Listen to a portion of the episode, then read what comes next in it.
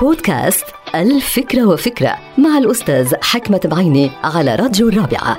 يبدو أن التعامل مع الآخرين أمر سهل وصعب بالوقت نفسه وبتعتمد سهولة التعامل أو صعوبة هذا التعامل على فريقين أساسيين. الفريق الأول هو أنت طريقة تعاملك مع الآخر والفريق الثاني هو الآخر اللي تتعامل أنت معه مثلا قريبك أو جارك أو زميلك. يعني في فريقين في أنت في غيرك.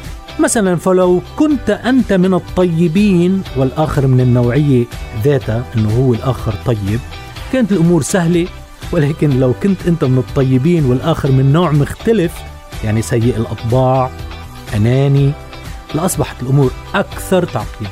بالحالة الأولى يعني أنت طيب والآخر طيب أنت في أمان ولا خوف على موقعك ولا مصالحك ولا صحتك النفسية والعقلية أما بالحالة الثانية يعني أنت طيب ولكن الثاني أناني أنت حقيقة في خطر لأنه في حدا بده يستغلك وياخذ مصالحك وأيضا يضر أحيانا بصحتك النفسية والعقلية.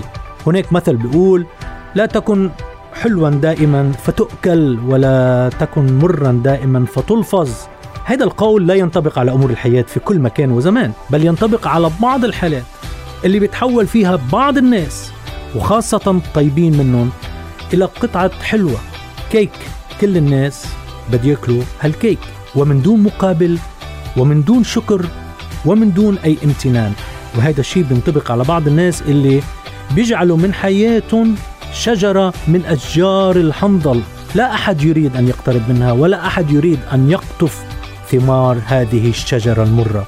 فلا تكن قطعة حلوة إلا لمن يستحقها ولا تكن مرا إلا مع من لا يستحقها انتهت الفكرة. هذه الحلقة مقتبسة من كتاب الفكرة وفكرة.